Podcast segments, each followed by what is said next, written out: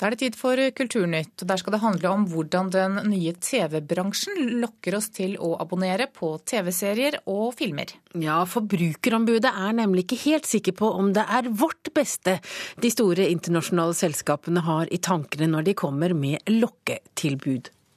For eh, nå har TV-markedet blitt satt under lupen til Forbrukerombudet. Med flere nye aktører som kjemper om seerne, frykter ombudet dårligere vilkår for forbrukerne. På den sida eh, for abonnement så finner jeg ikke noe knapp for å melde meg ut. Hun er ingen datakløne. Kirsti Østvang er faktisk teknologijournalist. Derfor syns hun det er litt rart at hun skulle ha problemer med noe som vanligvis er ganske enkelt. Jeg ble litt matt, rett og slett. Det var syns det var litt tungvint. Etter å ha testet nett-TV-tilbudet HBO Nordic i et par måneder, vil hun nå si opp abonnementet. Det er lettere sagt enn gjort. Jeg rota litt rundt på sidene til HBO. Eh, så går jeg inn på sånn spørsmålsside. Her står det jo at for å avbryte abonnementet, så bes kunden kontakte kundeservice eller bruke dette standardskjemaet. Jeg ble egentlig litt irritert da jeg så det. Skulle ikke måtte sende inn brev hver eh, post for å melde seg ut av nettjeneste. Hun er ikke den første som beklager seg over dette. Hos forbrukerombud Gry Nergård har de fått mange henvendelser fra brukere av de nye TV-tilbudene i det siste. Det aller meste nå går faktisk på det her at det er vanskelig å skifte tilbyder. Mange som har benytta seg av de nye tilbudene som har kommet, kanskje ikke helt eh, det var sånn som de tenkte, og ønsker å, komme seg ut. Og så er det ikke så lett. Det vi ser er at eh, de prøver å lukke kundene inn hos seg med ulike typer bindinger. F.eks. lange bindingstider, lange oppsigelsesfrister, oppsigelsesgebyrer, andre typer ting som gjør at det er vanskelig for kundene å skifte. Forbrukerombudet skjerper nå tilsynet med TV-bransjen. Eh, vi kommer til å ha et strengere tilsyn av TV-markedet nå fordi at eh, det har kommet så mange nye tjenestetilbydere det eh, siste halve året. Strengere tilsyn, hva innebærer det i praksis? Jo, nå sitter vi faktisk i dag og sjekker det her TV-markedet. Kartlegger hvilke tjenester er det som er ute og tilbys akkurat nå. Så går vi inn og ser på vilkårene og ser oppsigelsestid. Fire ansatte har dannet en slags aksjonsgruppe, hvor de tester TV-tilbudene fra kundenes perspektiv. Mm. Om det er opplyst om angrerett, f.eks. Bare sånn kjapt, da. Og så lagrer vi det så vi har det til seinere. De leser det som står med liten skrift i avtalene, sånn at vi andre skal slippe å gjøre det. Håpet er bedre vilkår for forbrukerne. Leverandørene bør jo nå behandle kundene sine på en god måte og konkurrere på det og, legge til rette for at eh, kundene skal både synes det er en god eh, tjeneste, men også at de skal oppleve en god kundeservice. Men det gidder ikke Kirsti Østvang å vente på. Liksom provosert, så jeg skal i hvert fall si opp. Ja, og det var det altså teknologijournalist Kirsti Østvang som sa til reporter Ina Strøm. Og HBO Nordic skriver i en e-post til NRK at selskapet ennå ikke har begynt å ta betalt for tjenesten, men at man enkelt kan si opp på mail og telefon, og at i framtida vil det bli enda enklere å si opp abonnementet. Videre skriver HBO at vi har en meget god dialog med Forbrukerombudet, og er absolutt opptatt av å ivareta forbrukernes rettigheter. Vi vil ha fornøyde og lojale abonnenter, og får ikke dette om vi ikke respekterer de rettighetene forbrukerne har. Nå skal vi til Det Norske Teatret i Oslo, som markerer sitt 100-årsjubileum og språkåret med å sette opp Bibelen som teater. Premieren var i helgen, og slik lyder verdens tilblivelse fra teaterscenen. Nå har jeg skapt jorda. Med lys, mørke, vann, hav og grønn jord. Og jeg har latt jorda bære fram Levende skapninger av alle slag. Fugler, krypdyr, fe og villdyr. Og vi kan se at alt er godt. Og nå vil jeg skape noe helt nytt. Og vil skape det i vårt bilde, så det likner oss. Jeg vil kalle det menneske, og jeg vil gi det fri vilje. Ja, tenk det, vi fikk fri vilje her, hørte vi Bjørn Sundquist som Gud.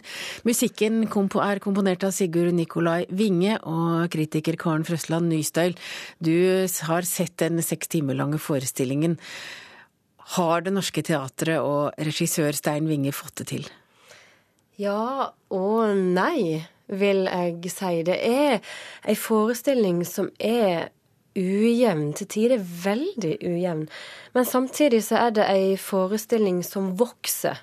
Og det gjør, tenker jeg, at den er sjåverdig, at det, den har noe, noe ved seg, da.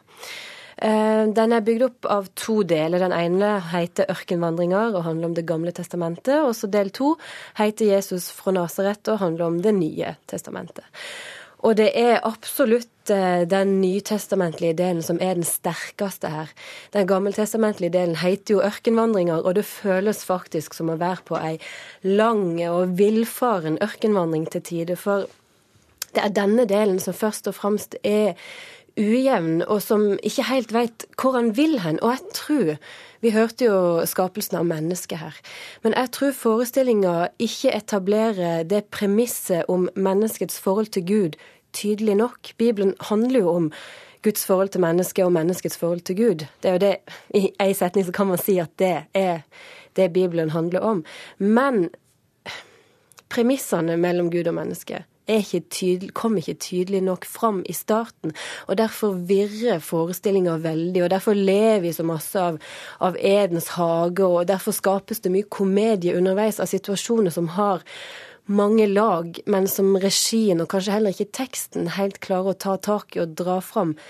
Dra fram det mer djupe og det gode og det enda mer spennende i. Um, men det er òg fine ting i den gammeltestamentlige delen. Men, men den nytestamentlige er virkelig noe helt annet. Det er en veldig flott teateropplevelse. Ja, hva er det med den delen som gjør at uh, du ble mer fanget? Ja, den, er, den, er, tydeligere og den er renere. Den har et annet visuelt uttrykk. Eh, når, vi, når, vi, er i Det gamle testamentet, så er, så er det et stort stillas, et skjelett, som står på scenen.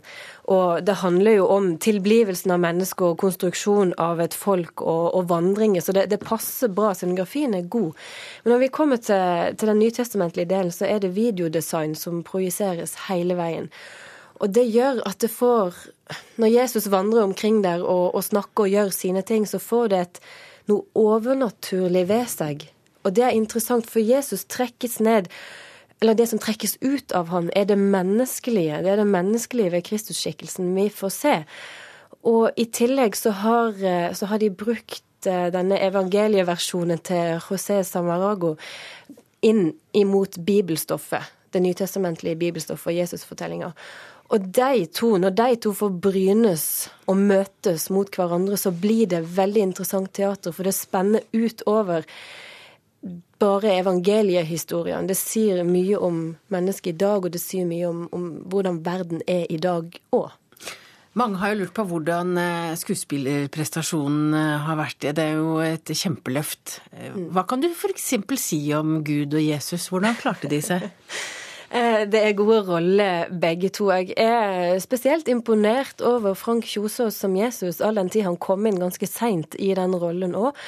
Han skaper en troverdig og rolig skikkelse som, som man fenges av ganske tidlig, for han, han, sliter, han har mange dilemmaer. Det, det, er god tekst han har å jobbe med, og det er god regi. Eh, Gud er en, en litt ugripelig karakter. Det interessante ved Gud er at han går rundt med Bibelen i hånda. Og Gud er ikke bare en, en menneskelig skikkelse her. For, for Bjørn Sundquist, som da spiller Gud, han siterer fra Bibelen. Han sier 'Herren sier', og så kommer et sitat, at der alt er henta fra Bibelen. Så, så, det er ikke bare Gud vi ser, det er en skikkelse som er noe i nærheten av Gud. Men Sundquist er veldig god, han òg. Bør vi bruke seks timer og 750 kroner på å gå og se Bibelen? Ja, hvis du er interessert, så syns jeg at det er en god ting å gjøre. Og så må vi huske det at den nytestamentlige delen setter den gammeltestamentlige i et nytt lys, og gir den et løft når forestillinga er over. Et litteraturhus på Vestlandet kommer ikke utenom Olav H. Hauge. Det splitter nye litteraturhuset i Bergen har valgt å hedre den store vestnorske poeten med en egen sal, og da huset åpnet denne helgen, satte de opp Henrik Mestads kritikerroste tolkning av dagbøkene. Blant publikum var det en som selv har vært en viktig del av Hauges liv og diktning. Å se han komme mot meg, så hadde han jo så flotte øyne også. Veldig flott mann. Så jeg ble jo sigende i knærne med det samme. Staden er det nyåpna Litteraturhuset i Bergen. Og så fortsatte vi Den som snakker, er Bodil Cappelen. Kvinna som bringer kjærleiken inn i livet til en av Norges fremste lyrikere i moderne tid, Olav H. Hauge fra Ulvik i Hardanger. Så ble det jo så fortrolig, så jeg ble forelsket med en gang. I flere år brevveksla de, og ble etter hvert mann og kone. Nå skal 82-åringen møte en gammel kjenning. Takk skal du ha. Alle på Vestland, altså her i Bergen og på Vestlandet har han som et slags fundament for det de driver med. Kvinna med det store Hauge-engasjementet er Kristin Helle Valle. Leder for Hauge Tveit-jubileet i 2008, og nå primus motor for Litteraturhuset i Bergen. Et prosjekt som Bodil Cappelen har oppmuntra fra første stund. Nå er det et spesielt rom i huset Kristin Helle Valle gjerne vil vise fram. Her er Olav H. Hauge-rommet. Og så flott det var. Med den veggen i murstein. Det var veldig fint. Stort og mange vinduer. og Dette må jo være det fineste i hele huset. For en kan ikke åpne et litteraturhus på Vestlandet uten å ha med seg Olav H. Hauge. Snart 20 år etter sin død er nærværet hans i den vestnorske litteraturen kanskje sterkere enn noen gang. Ja, det er veldig mange som refererer eh, til Hauge, og han ligger på ethvert nattbord. Du behøver ikke være akademiker for å, for å lese Hauge. Vi får dikta de ulykkelige best. Siste åra har de omfattende dagbøkene Hauge skreiv blitt trukket fram i lyset. Skuespiller Henrik Mestad kom i helga til Bergen med si kritikerroste tolking av dagbøkene. Mesteparten av de dagbøkene er en indre dialog. Noen ganger så retter den seg ut, men det er veldig mye med en voldsom kraft. Og det er selvfølgelig for det er skrevet av en stor, stor poet. De lå åpent tilgjengelig for meg. Og noen ganger kikka jeg, og noen ganger ikke. Og så hadde han det jo med på sengen. Og da ble det jo i grunnen ganske fort slutt på felles soverom. For han ville sitte i senga og skrive i dagboka når jeg ville sove. Så da fant vi ut av det, at det passet best med hver sitt soverom. Det bør jo de fleste ha, hvis de vil bevare ekteskapet. Vev meg et teppe, Bodil. Vevd av syner og drømmer. Bodil Cappelen er sjøl kunstner, og har i mange år bidratt til å gjøre livsverket til Olav H. Hauge tilgjengelig for publikum.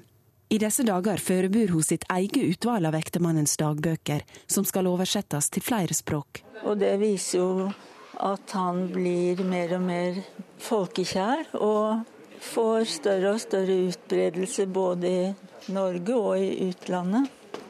Så var det dette nye huset, da. Litteraturhuset, som skal være både for lesere og forfattere. Bodil Cappelen har fulgt debatten om det fra sidelinja. Jeg blir jo så irritert over sånne som først skal legge seg oppi og tenke på at dette blir jo dyrt, og det skal jo forrente seg, og det skal jo betales, og hvordan er det hvis det går konkurs? og Stakkars folk som ikke evner å se at dette er kjempefint, et kulturelt innslag i en by. Tror du Olaf hadde benytta et sånt hus? Nei, akkurat det tror jeg ikke. For han var likte best å være hjemme i sin egen stove. Ja, det var reporter Turi Ragne som hadde møtt Bodil Cappelen på Litteraturhuset i Bergen i går. Da skal vi høre at store medieoppslag som setter fokus på seksuelle overgrep, nå har fått flere til å søke hjelp. Det siste året har det vært flere store saker i mediene, og det har altså ført til stor pågang hos oss, forteller leder ved Støttesenteret mot incest og seksuelle overgrep i Tromsø, Lene Sivertsen.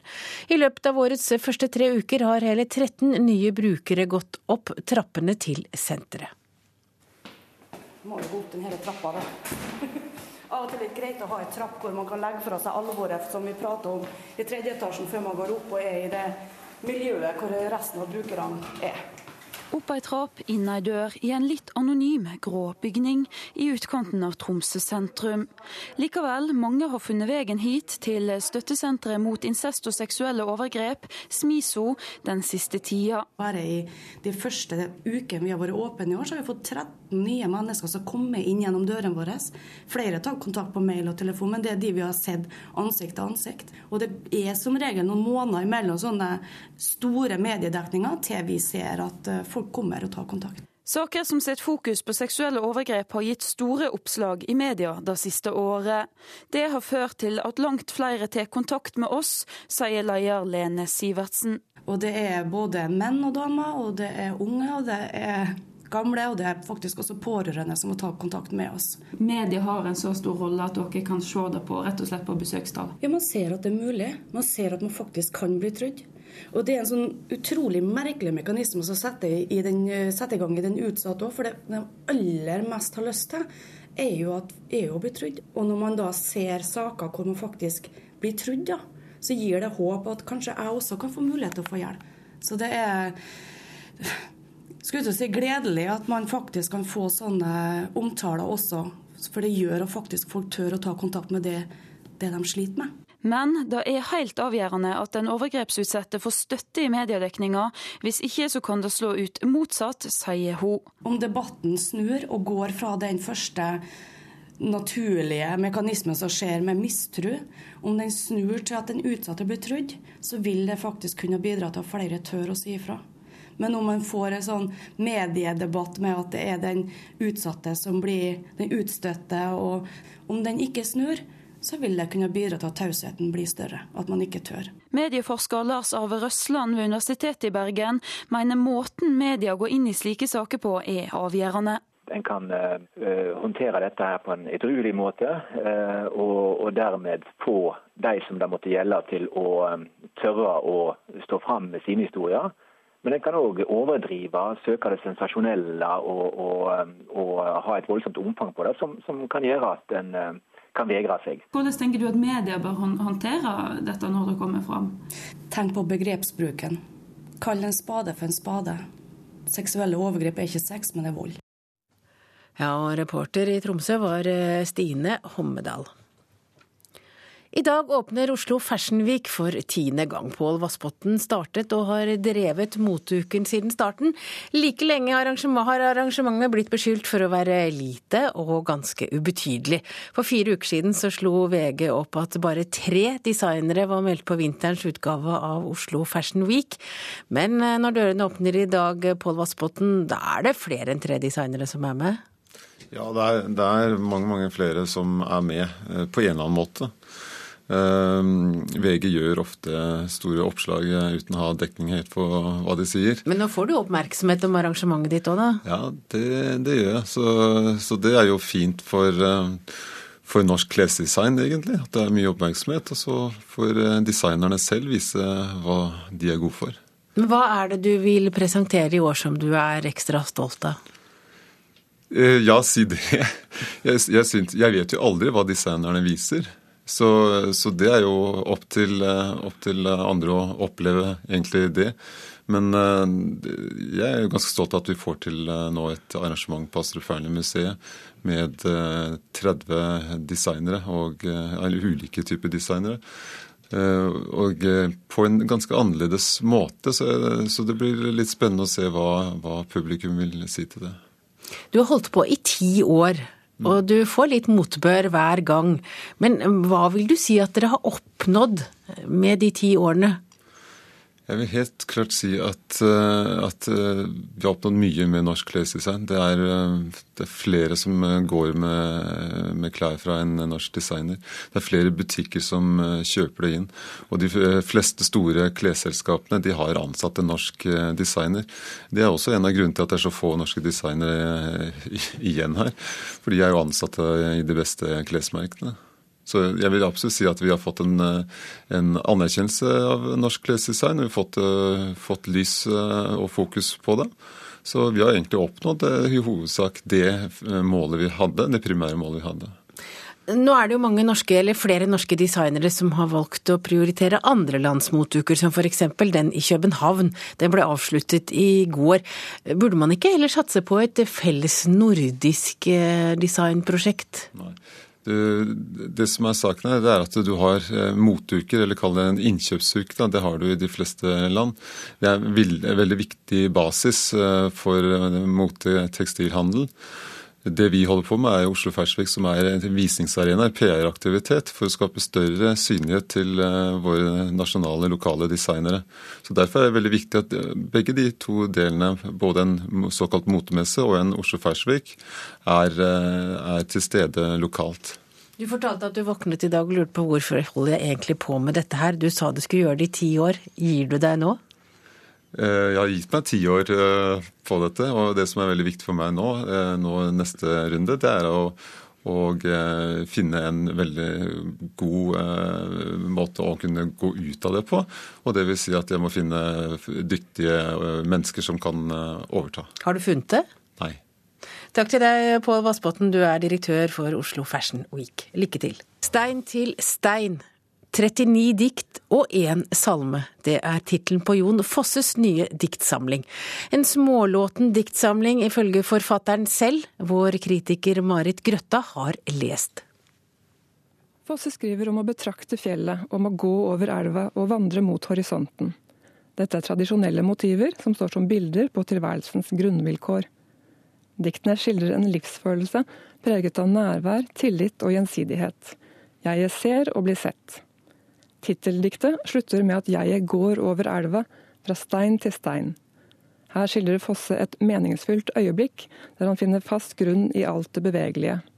Samtidig hilser han til andre elvediktere, fra Heraklit til Olav H. Hauge. Fosses dikt søker seg mot en innsikt som er tilgjengelig, men er vanskelig å feste blikket på. I ett dikt leser vi at eit barns augo ser og ser ikke, ser at alt er til å skjøne, og at ingenting kan skjønast, for alt er snø. Et annet dikt beskriver noe som klårnar og forsvinner og blir værende medan det forsvinner. Flere av diktene skildrer det å bli tatt imot og finne hvile. Ei vær tek meg til seg, skriver Fosse. Slike vendinger gjør det klart at han plasserer seg i en romantisk og metafysisk tradisjon. Spørsmålet om jegets plass i verden blir mer interessant når Fosse bringer inn ordet vilje. De kosmiske kreftenes nødvendighet konfronteres dermed med friheten. Det virker som om Fosse knytter viljen til en kraft og til en tilblivelse. F.eks. skriver han om noe som begynner som en stillhet, og som blir til en tanke, en vilje, en kjærlighet. Han stiller også spørsmål om hvordan vilje og lydighet forholder seg til hverandre her rører han borti viktige spørsmål. Er diktene gode? De beste berører, og de rommer en bevegelse eller en dreining som maner til ettertanke. Noen dikt lander imidlertid litt for enkelt og idyllisk. Som helhet oppleves dessuten samlingen som noe for lukket om sin egen motivkrets. Diktene peker likevel mot en utvikling i forfatterskapet. Fosse er beryktet for sine språkkritiske romaner, sine repetitive drama og sine bruddpregede dikt. Her har han imidlertid funnet en mer tilgjengelig form.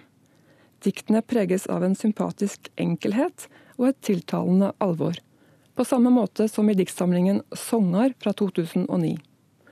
Om Fosse i disse to diktsamlingene ikke akkurat har fornyet seg, har han i alle fall forenklet seg. Etter å ha lest Stein til stein, tenker jeg at Fosse har potensial til å bli en folkekjær dikter men da må litt flere dikt finne sin form, og motivkretsen bør også utvides. Jeg håper Fosse vil fortsette med å skrive smålåtne dikt, og tar oppgaven enda mer på alvor. Neste gang du hører statens æresdikter, er det kanskje på P1.